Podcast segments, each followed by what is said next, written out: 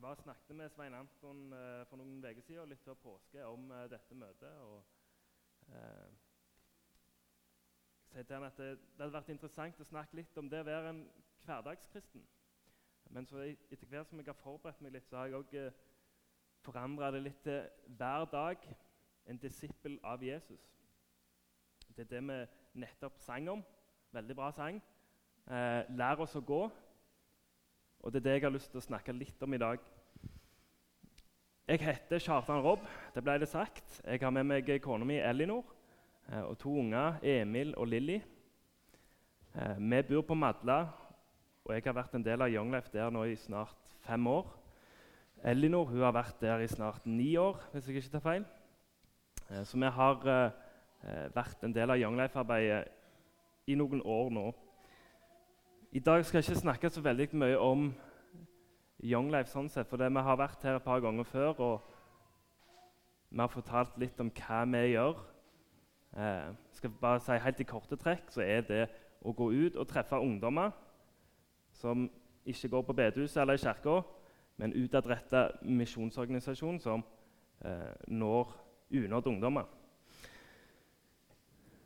Og En av de uh, unådde, holdt jeg på å si, eller som var unådd, Audne Hermansen, han skal dere få lov til å hilse på litt senere i møtet. Uh, jeg har med meg en god venn som uh, skal få lov til å dele vitnesbyrdet sitt litt uh, seinere. Så håper jeg at vi får lov til å være litt til inspirasjon for dere. at dere kan ta med dere noe av det vi deler her i dag, videre i uka og i livet deres. Jeg har uh, nå bikka 30 år. Um, og det vil si at For 13 år siden så begynte jeg som tømrerlærling. Um, jeg kom fra Tryggheim, hadde to år der på byggfag. Og så gikk jeg ut i lære. Et fantastisk yrke med veldig mange utfordringer. Og uh, gode utfordringer. Den offisielle læretida når en har uh, yrkesfaglig utdanning, det er to år. Så når jeg var 19 år, rett før jeg ble 20, så tok jeg fagbrev. Og jeg husker når jeg sto der med fagbrev i hånda, så følte jeg meg langt ifra ferdig utdanna innen tømreryrket.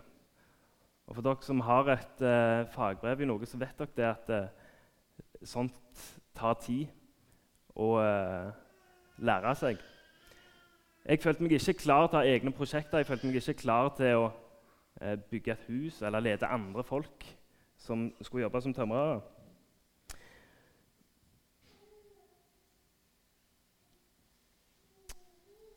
Og De fleste av dere vet gjerne at det er disippel. Det betyr lærling.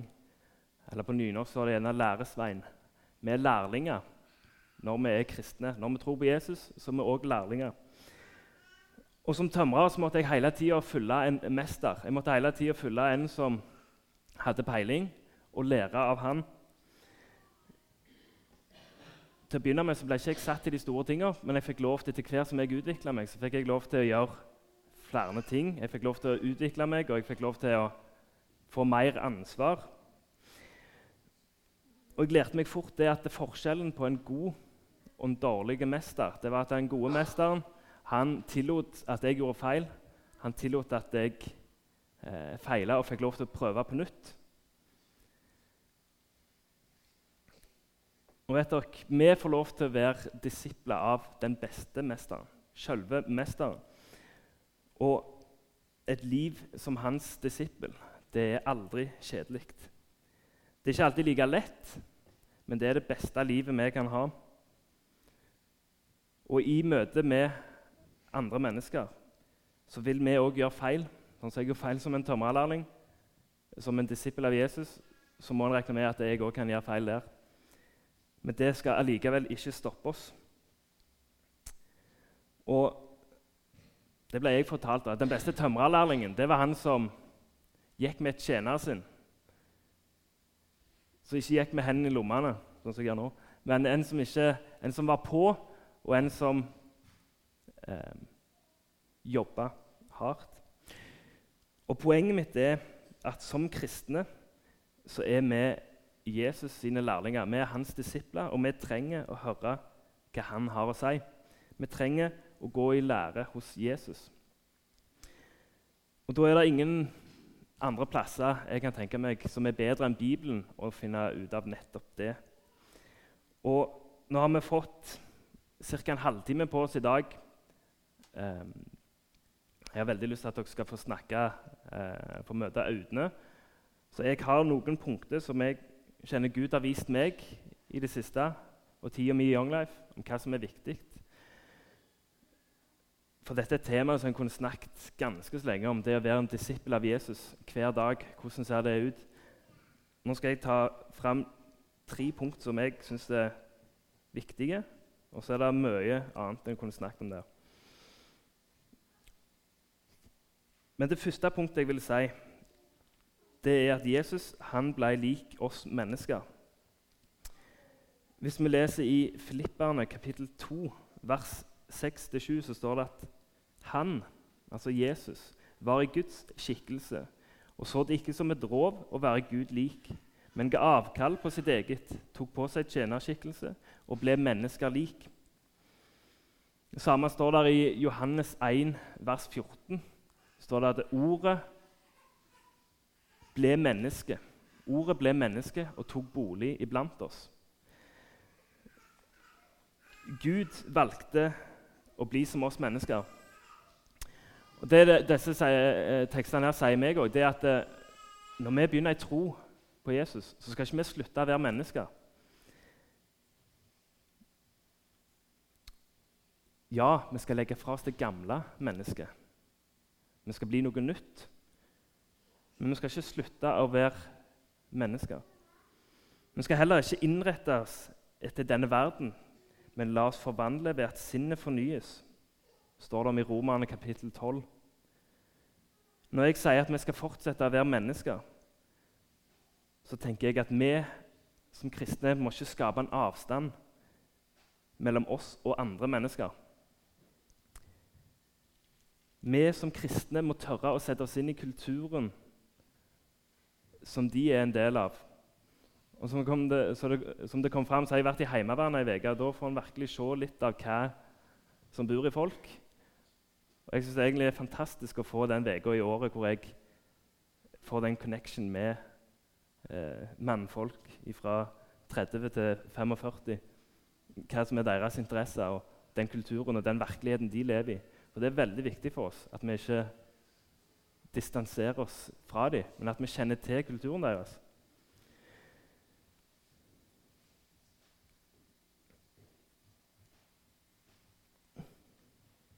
Og vi er nødt som kristne til å tørre å være interessert i mennesket, i andre mennesker. Og vi er nødt til å be om en nød for mennesker, for dette her kommer ikke av seg sjøl. Men vi er nødt til å be om det. Og vi lærer dette her av Jesus ved å lese i evangeliene. Et annet punkt jeg har, det er å gjøre oss sjøl tilgjengelige.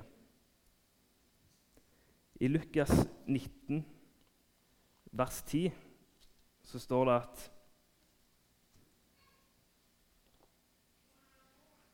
For menneskesønnen er kommet for å lete etter de bortkomne og berge dem. Dette er i forbindelse med Sakkeus, når Jesus treffer han. Menneskesønnen er kommet for å lete og for å berge. Jesus han var tilgjengelig. Han gikk rundt på jorda og møtte folk. Sakkeus møtte han på vei inn i Jeriko. Og Det var nettopp der Jesus kanskje møtte flest folk. Det var mens han var ute og gikk, for han var tilgjengelig. Hvordan ser det ut i 2018? Hvordan ser dette ut for oss? Jeg tenker at Det kan være å bygge relasjoner utføre misjonssalen. Det kan være at vi har et utsagn som sier at det, det nytter ikke å lete etter folk og berge blant de som er berga. Men vi kan lete blant arbeidskollegaer, venner av eh, oss. Vi kan lete blant foreldrene til venner av ungene våre. Men vi er nødt til å gjøre oss interessert i deres liv. Dette står det mye om i evangeliene, og vi leser at Jesus var interessert. Bare tenk på Sakkeus. Hvordan Jesus inviterer ned fra treet tre, og sier jeg har lyst til å komme hjem til deg i dag. Jeg har lyst til å være gjest i ditt hus. Hvis vi også kunne vært litt bedt om den frimodigheten til å invitere noen hjem til oss Vi ser at Jesus han,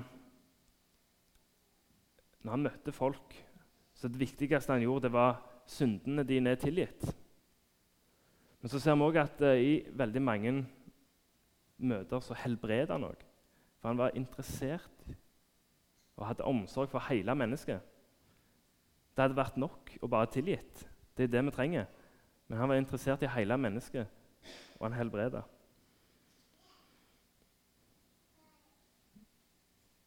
Det er ingen som bryr seg om det du har å si, før de vet at du bryr deg. Derfor er vi nødt til å be Gud om å gi oss en nød. Vi synger i en sang at 'Herre, gi meg dine øyne', sånn at jeg kan få se de sånn som du ser de. Vi er nødt til å be om nød. Og et annet eh, utsagn sier det at det, det, er vanskelig å invitere folk til å bli berga før de vet at de trenger å bli berga.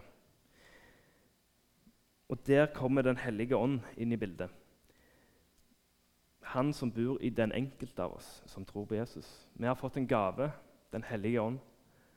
Og et vers som er enkelt å huske, står i 1. Korinterne 3,16. Vi kan Johannes 3,16.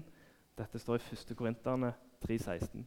Der står det at Vet dere ikke at dere er Guds tempel, og at Guds ånd bor i dere? Den hellige ånd som fulgte Jesus, han følger også oss, som kristne. Vi får lov til å være hans sendebud.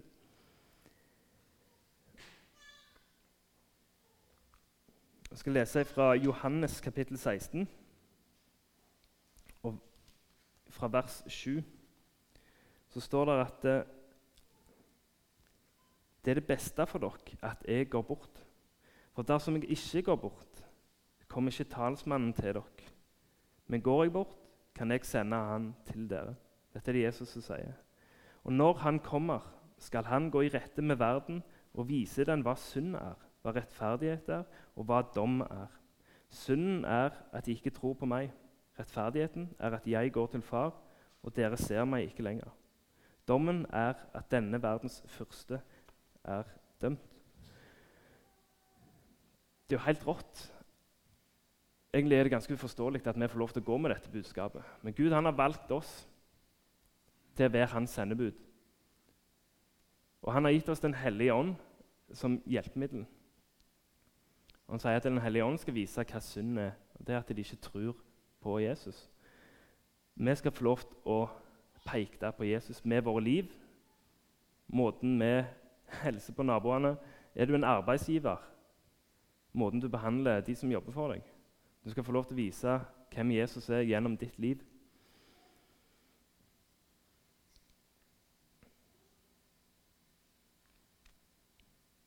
Guds ånd har tatt bolig i oss. Så når vi går blant våre arbeidskollegaer, på treningen til våre unger, på butikken, når vi møter naboen med postkassen, så har du Gud med deg. Guds nærvær er til stede, for han bor i oss. Og Det syns jeg er veldig Det er ganske høyt oppe der.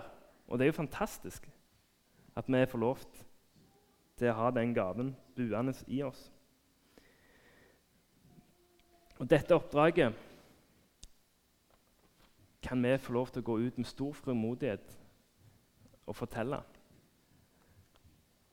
om at folk har en frelser som lengter etter dem.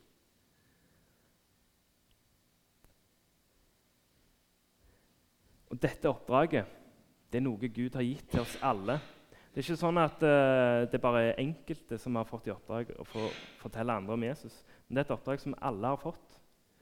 Vi kan være kalt til forskjellige tjenester. Vi kan være kalt til å reise til andre land. Men vi har alle fått i oppdrag å dele evangeliet. Og Elisabeth begynte med å si at vi er alle forskjellige. Og det er folk der ute òg. Alle de folka er forskjellige. Men jeg tror at hvis vi ber Gud om å sende oss i en retning, sende noen til oss, ber om nød, så vil han òg gjøre det. Vi kan få lov til å være vitne for andre folk. For vi er alle kalt til å være Jesus sine disipler. Jesus sine lærlinger. Og det tar tid. Vi blir ikke utlært dette livet om hvordan være en perfekt disippel. Men vi skal likevel gå, for det er det han har kalt oss til. Og vi som hver dag er en disippel av Jesus, vi har et ansvar. Om det er den organisasjonen eller den organisasjonen, det har ingenting å si. For vi har alle fått samme oppdrag. Gå derfor ut og gjør alle folkeslag til disipler. Og jeg tror vi alle kan dele evangeliet med noen. Alle skal ikke være i Young Life. Heller skal ikke alle være i NLM og i Misjonssalen. Og dette er noe jeg egentlig har blitt veldig obs på i det siste. Det at uh, ungdommer som kommer til tro på Jesus gjennom Young Life, de trenger å bli planta i en menighet. De trenger å ha et fellesskap å gå i. For jeg er ikke i Stavanger for å bygge Young Life. Jeg er i Stavanger for å bygge Guds rike. Det er Hans rike vi vil se komme. På samme måte som dere ikke satt her for å bygge NLM og Misjonssalen. Men dere er satt for å bygge Guds rike. For alle er vi lemmer på samme kropp, og Jesus er hodet. Om vi er i den organisasjonen eller den organisasjonen. Som lærling så er det veldig godt å dele erfaring. Og Derfor har jeg veldig lyst til å invitere opp Audne nå, eh, sånn at dere kan bli litt kjent med han. Det er en eh, god venn av meg, og han har eh, fått erfare hva det vil si at disipler av Jesus tar oppdraget på alvor. Så først av alt eh, så kan du jo du må få si litt hvem, eh, hvem du er, og hva du gjør. Da, Audne, hvem, fortell litt om uh, hvem du er, og uh, hva du gjør. Ja, Jeg heter Audne Hermansen. Jeg, er, jeg, blir 22 år i år. Jeg bor på Madla, kommer fra Egersund, og jeg er tømrerlærling. Veldig bra. bra. Bra yrke du har valgt, det må jeg si. Men kan ikke du fortelle oss litt om ditt førsteinntrykk av Jesus? Ja, um, jeg er ikke oppvokst i en kristen familie. Så det eneste jeg hørte om Jesus, var på skolen. Og der hørte jeg at han var en viktig person i en eller annen religion. Det var det jeg visste. Kan du fortelle noe om uh, hvordan det synet ble forandra? Ja, um, det var egentlig gjennom uh, konfirmasjonstida det begynte. For da var det Young Life som hadde konfirmasjonsarbeidet. Uh, og da møtte jeg på en mann som heter Sindre. Og han tok veldig godt vare på meg. Han begynte å bry seg om meg. Og han inviterte meg med på ulike Young Life-arrangementer um, der vi fikk høre mer om Jesus. Um, ja, så det var egentlig der det begynte. Mm. Mm. Hva betydde det for deg at uh, Sindre brukte så mye tid sammen med deg? Eh, det betydde veldig mye, fordi at eh, han, han spurte spørsmål som jeg ikke er vant med å bli spurt om. F.eks. at hvordan går det egentlig med deg? At det er greit hjemme hos meg sjøl så var det ofte at det, ja, hvordan gikk det på skolen i dag? Hvordan går det? Men han spurte om litt dypere spørsmål. Sånn Hvordan går det egentlig med deg? Hva er det du, hva er det du tenker når du er på skolen? Og sånne spørsmål som du egentlig setter veldig stor pris på å få um, ja, spurt. Da. Mm. Mm. Og du fikk ei eh, tro på Jesus da du var rundt 15-16 år. Eh, men så kommer det ei tid hvor troa ikke er til stede. Kan du, eh, kan du, fortelle litt om det og, og veien tilbake? Uh, ja. Um, jeg vil jo egentlig sitte her og si at uh, den troen jeg hadde nå 15-16, den hadde jeg egentlig ikke. Jeg, jeg, satt og sa at jeg trodde, men jeg hadde ikke et hjerte for det. Mm. Så det var mer at det, når jeg var i Young, disse ulike Young Life-arrangementene, eh, da var det Da sa jeg at, eh, ja, at jeg trodde på Jesus, og jeg var med og leste Bibelen, var med og ba og alt dette. Men når jeg var på skolen med kompiser og sånn, så var det da var det drikking, festing og ja, en helt annen, egentlig. Um, og, så, og dette dobbeltlivet, da, det fortsatte veldig lenge. Helt til russetida, når jeg uh, var 18 år. Da valgte jeg å bare, ja, bare trekke meg bort fra dette her. Fordi at det, det dobbeltlivet det, Jeg ble lei av det. Å være en annen. Um, og da bare gikk jeg fullt ut for å ja, egentlig bare feste og bare leve ut livet, som de sa. Jeg fikk veldig stor inspirasjon hjemmefra òg. At eh, russetida var en gang i livet, så det måtte jeg egentlig bare gi alt. Eh, og i løpet av russetida så møtte jeg eh, ei jente som jeg eh, senere ble kjæreste med. Som senere igjen, etter russetida, så flytta jeg inn med henne, ble samboer. Uh, og da tenkte jeg at da hadde jeg alt i livet. For da hadde jeg, jeg hadde bra kjæreste, jeg hadde egen leilighet, jeg hadde en egen jobb, og jeg hadde en egen bil. Og da tenkte jeg at da hadde jeg alt jeg trengte. Når jeg var yngre, så tenkte jeg det må jeg ha for å bli lykkelig. Det er det jeg trenger.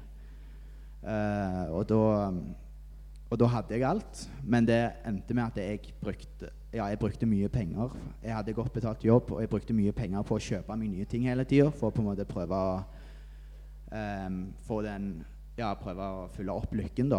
Men jeg kjente mer og mer at uh, jeg aldri Ja, jeg ble aldri lykkelig. Måtte, det var typisk kortvarig lykke når du kjøper deg nye ting. Uh, men jeg kjente at jeg lengta etter noe mer. Jeg kjente et tomrom inni meg. Um, og dette var noe jeg uh, gikk rundt og tenkte veldig mye på. Uh, og jeg har en bestekompis som heter Anders. og han var i USA da, etter videregående. Og når han kom hjem, så begynte jeg å fortelle han om dette tomrommet. Og da sa han at det, det er Jesus. Det er Jesus du mangler. Og jeg bare Ja, OK, greit. Kanskje det. Og da tok han med meg til en husmenighet, og der fikk jeg, eh, ja, fikk jeg noen profetiske ord um, som virkelig satt rett i hjertet. Det var at eh, jeg hadde lenker på armene, men når jeg snudde, snudde håndleddet, så var de egentlig åpne. Det var bare at ikke jeg visste det. Og det satt veldig dypt i hjertet. Um, fordi at jeg skjønte mer og mer at det, dette var i samboerskap. Det var det var ikke bra. Det var ikke Guds vilje i det hele tatt. Um, og at det, hvis jeg tar ut håndleddet, så vil det skape sår. Um, og ja, det gjorde det jo. Det var jo Den siste tida jeg var samboer, var jo veldig var bare masse krangling, og det var Ja, det ble egentlig bare verre og verre. Og jeg gravde meg lenger og lenger ned. Uh, det førte til enda mer festing. Det var festing hver eneste helg, egentlig. Brukte kun penger på det. Um, det førte til utroskap. Det førte til ja, slåssing. Jeg, jeg, kjente meg ikke igjen i hele tatt, fordi at jeg ja, jeg visste at jeg mangla noe, men at jeg fortsatte bare å leve det. Um, så var det òg en samvittighet som prøvde å knekke meg, og det Ja. Um, og så var det uh, Så var det rundt juletida, uh, og da var det han som ledet husmenigheten, som jeg møtte. Uh, og da sa han noe til meg som Ja, det, det høres veld, veldig tøft ut. Um, men um, det, det, traff hjertet veldig. Uh, og han sa det egentlig rett ut at OK, Audne, nå må du velge mellom livet og døden her. Sa han rett ut. Og det traff hjertet så vanvittig. For det er sannhet. Det er sannheten. Uh, og da bare skjønte jeg alt. Og jeg satt gjennom hele juletida og bare skjønte OK, nå vet jeg hva jeg må gjøre. Og da valgte jeg å ja, uh, flytte fra hun, gjøre det slutt, og så flytte inn med Anders.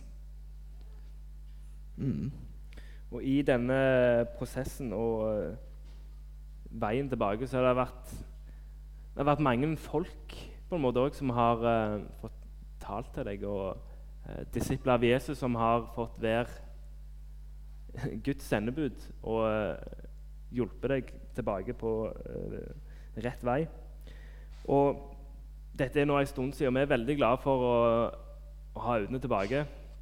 Uh, hadde dere kjent Audun godt, så hadde dere visst at han er den mest godhjerta personen dere kan tenke dere.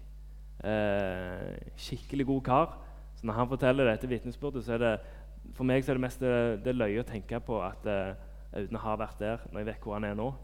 Og Det er bare Guds godhet som kan gjøre. Men du har nå vært med som leder i Young Life en stund. og Der har du fått kontakt med en guttegjeng. Og uh, Denne gjengen de kaller seg bare for Hekkan-gjengen. Men eh, kan ikke du fortelle litt om, om deg og det miljøet de står i? Ja, eh, dette er da fem gutter som jeg egentlig møtte veldig eh, Ja, jeg kan ikke kalle det tilfeldig, for det er jo Guds verk. Um, jeg, møtte de, jeg møtte to av dem. Jeg jobbet på Leos Lekeland før. Og da var jeg, var jeg kjøkkenansvarlig. Og da, eh, da, var de sånn eh, Ja, når du er arbeidsuke med skolen eh, Og da Ja, da bare kjente jeg et Fikk jeg med en gang et hjerte for to av dem. Eh, og da, var, da bare ga Gud meg frimodighet nok til å spørre at Du, dere, vil dere bli, eh, komme til meg en gang og spille Fifa? PlayStation. Eh, og jeg Ja, det, det er takket være Guds frimodighet. Um, og, var, og, de sa heldigvis ja. Um, og da, ja, da, kom de på besøk, og vi hadde en fantastisk eh, kveld sammen der vi bare fikk snakke om alt mulig. Og de introduserte meg videre til tre andre. Um, som Da har det blitt disse fem eh, ungdommene. Og det, disse fem er fra et miljø der det er helt normalt med slåssing, helt normalt med festing og helt normalt med bruk av eh, narkotika. Um, og disse er 16 år. Så det å, det å få lovt, det å ha fått en mulighet fra Gud å bare eh, få lov til å være i deres liv. Vise dem den omsorgen som eh, han Sindre viste meg. da. Bare, bare liksom å ta dem med ut på en kjøretur og bare spørre hvordan har du det egentlig. Og bare hjelpe dem. For at disse her har ja, de har så utrolig store sår fra, fra livet sitt. Fra familier som um, de har, har mista familier som ikke bryr seg om dem, familier som bare har vendt seg bort fra dem.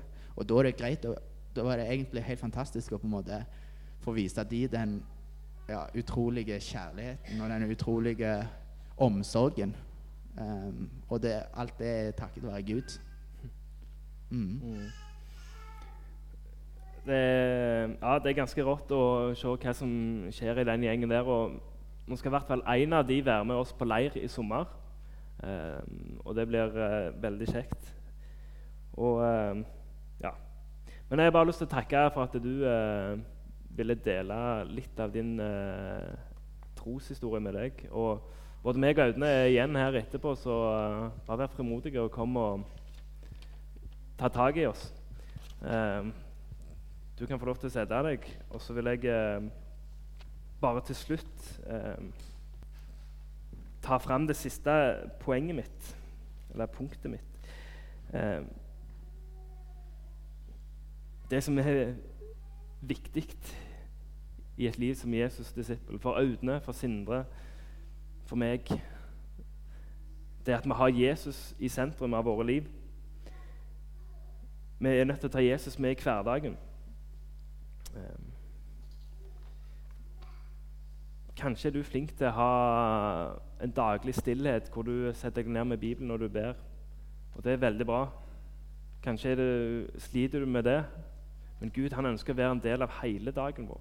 Han ønsker å være en del av hver en avgjørelse og alt vi står i. Vi er nødt til å bruke tid med Jesus for å nå ut. For å få denne nøden som uh, Sindre hadde for Audne. Og denne nøden som nå Audne har for disse guttene i denne gjengen. Det kommer ikke av seg sjøl. Vi må be Gud om det. Og Dette er mitt siste, men også det viktigste punktet mitt. Bruk tid med Jesus. La Han fylle hverdagen. La Han fylle hjertene våre. For hvis det er en ting jeg vil dere skal sitte igjen med i dag, så er det det. La Jesus fylle hverdagen deres. Han være med i hver centimeter, millimeter av deres dag. Så skal jeg bare be litt til slutt. Himmelske Far, takk for at du har uh, kalt oss til å være dine disipler. Og takk for at når du gir oss det oppdraget, så sender du oss ikke ut alene. Du har sendt oss sammen med et fellesskap som det, dette her i misjonssalen. Du har sendt oss med Den hellige ånden i oss. Og Herre, jeg bare ber om at eh, folk i misjonssalen og vi i Stavanger at vi må få lov til å be om en større nød for våre medmennesker. Herre. At vi er nødt til å være tydelige og kunne si til folk at det gjelder liv eller død. Herre, vi ber om eh, at du bruker oss, at du sender folk i vår vei. Gud, jeg bare ber om eh, nåde fra deg. Ditt gode navn, far. Amen.